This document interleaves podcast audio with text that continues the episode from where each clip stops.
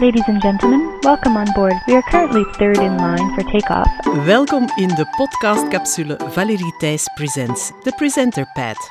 In deze capsule, de Presenter Pad, geef ik jullie insight tips om beter te leren presenteren.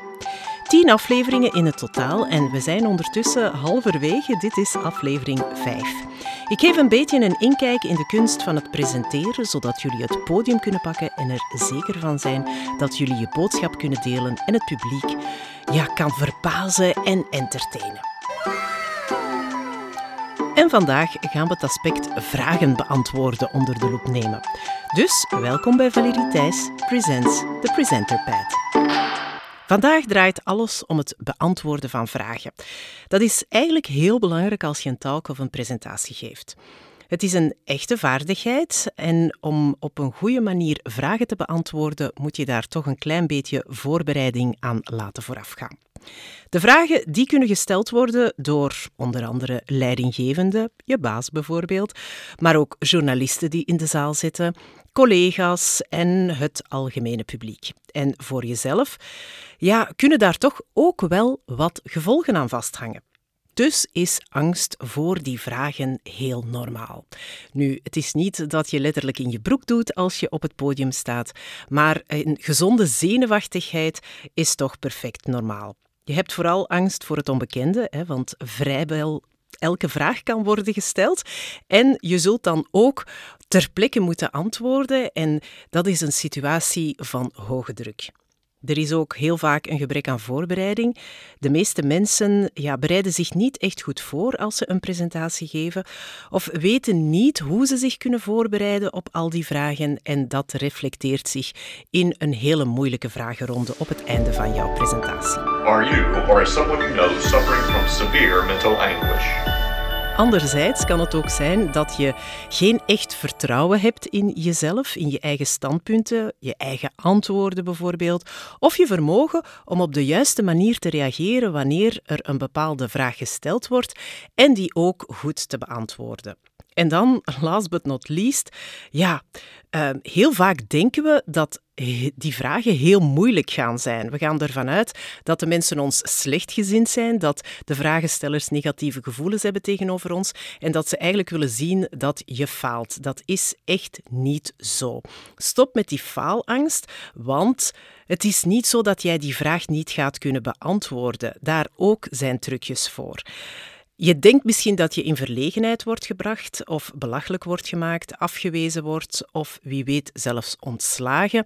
Ook daarin zit eerder een mindfuck dan echte ja, validatie en, en echte waarheid. Dus het is heel belangrijk dat je dat opzij zet en dat je echt gelooft in je kunnen. Hmm? Allereerst is het belangrijk te weten dat als iemand je een vraag stelt, dat eigenlijk in de eerste plaats een compliment is. Het is iets positiefs. Bekijk het dan ook zo en laat je niet intimideren door de vragensteller. Je publiek ziet jou als een expert. Ze zijn geïntrigeerd en geïnteresseerd in wat je te vertellen hebt en willen ook meer weten. Eigenlijk is het een soort van vleierij.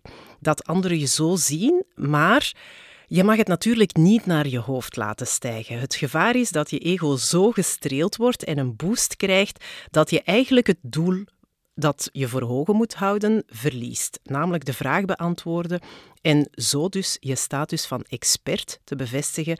En alleen maar, ja, als het ego gestreeld wordt, jezelf te boosten en eigen, eigenlijk over je eigen te stoeven. Dat kan niet de bedoeling zijn. Hmm. Het is wel degelijk de bedoeling dat je je kennis deelt, maar dat is als informatie voor de vragensteller, voor het publiek en niet zozeer om te laten zien van kijk eens naar mij, kijk eens wat ik allemaal kan en wat ik allemaal ken. Laat ook meteen blijken dat je eigenlijk blij bent met die vragen. Het is belangrijk dat je publiek het gevoel krijgt dat je met plezier hun vragen zal beantwoorden. Mijn motto is altijd overal op het podium: Smile, you have the floor. Dus glimlach als je een vraag krijgt, want jij bent aan zet. En dan, hoe beantwoord je de vragen het best?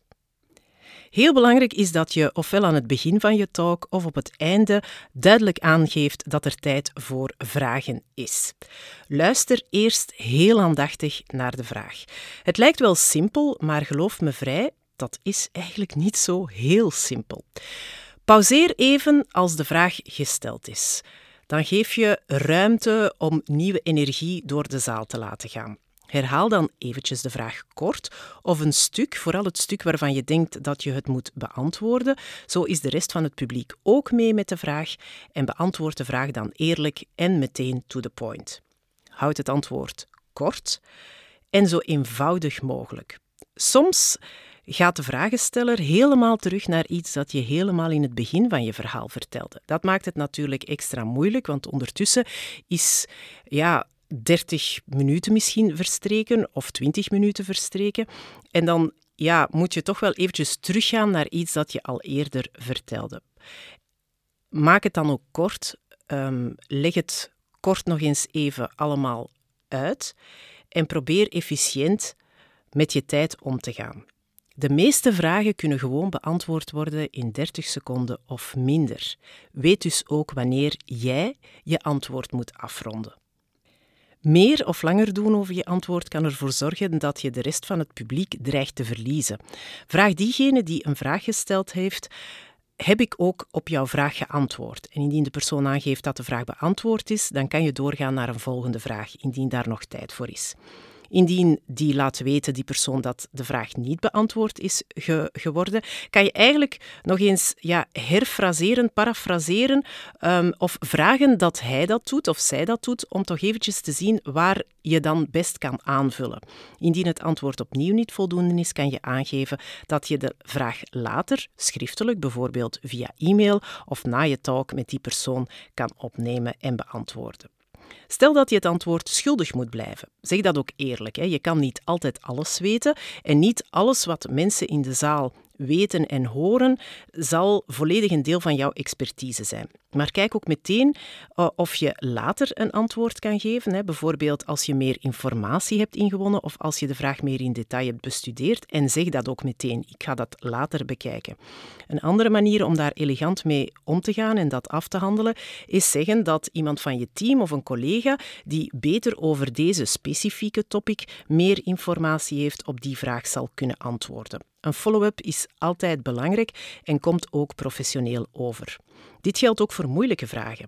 Een vraag later beantwoorden is dus helemaal geen probleem.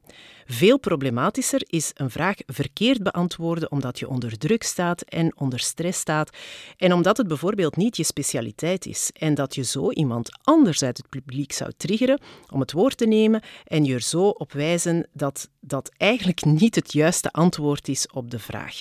Want dan sla jij eigenlijk een uh, slecht figuur en kan je hele presentatie gewoon de vuilbak ingegooid worden en ben jij je status als expert zo goed als kwijt. And today's phrase, it's let me get back to you. Let me get back to you. Vragen beantwoorden is dus wel moeilijker dan je denkt. Mensen zijn niet altijd duidelijk als ze een vraag stellen. En misschien begrijp je de vraag niet of raak je zelf in de war.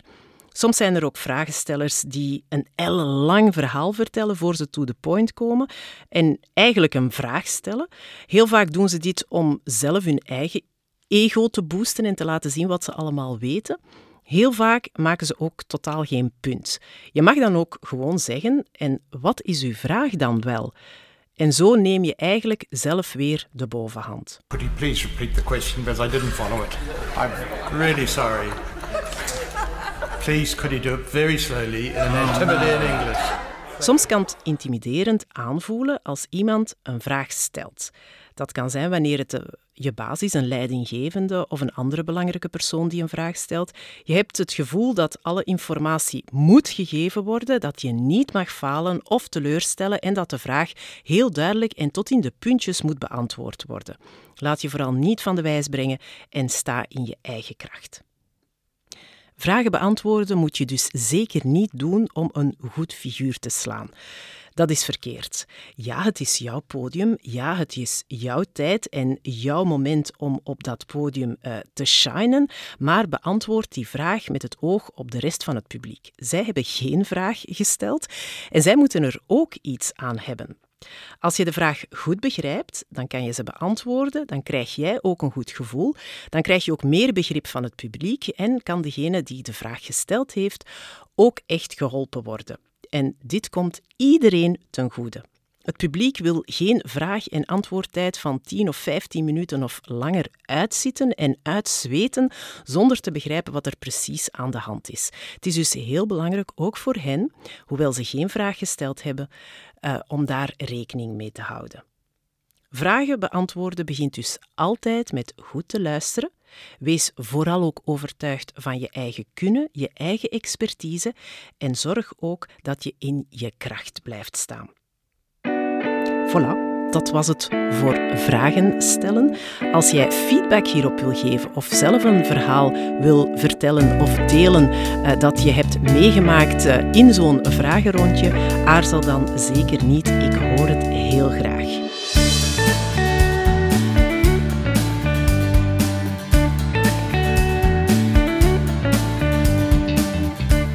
Wat je natuurlijk ook altijd kan doen, is deze podcastaflevering delen op je social media kanalen. Dat kan op Facebook, Instagram zijn, LinkedIn, Twitter.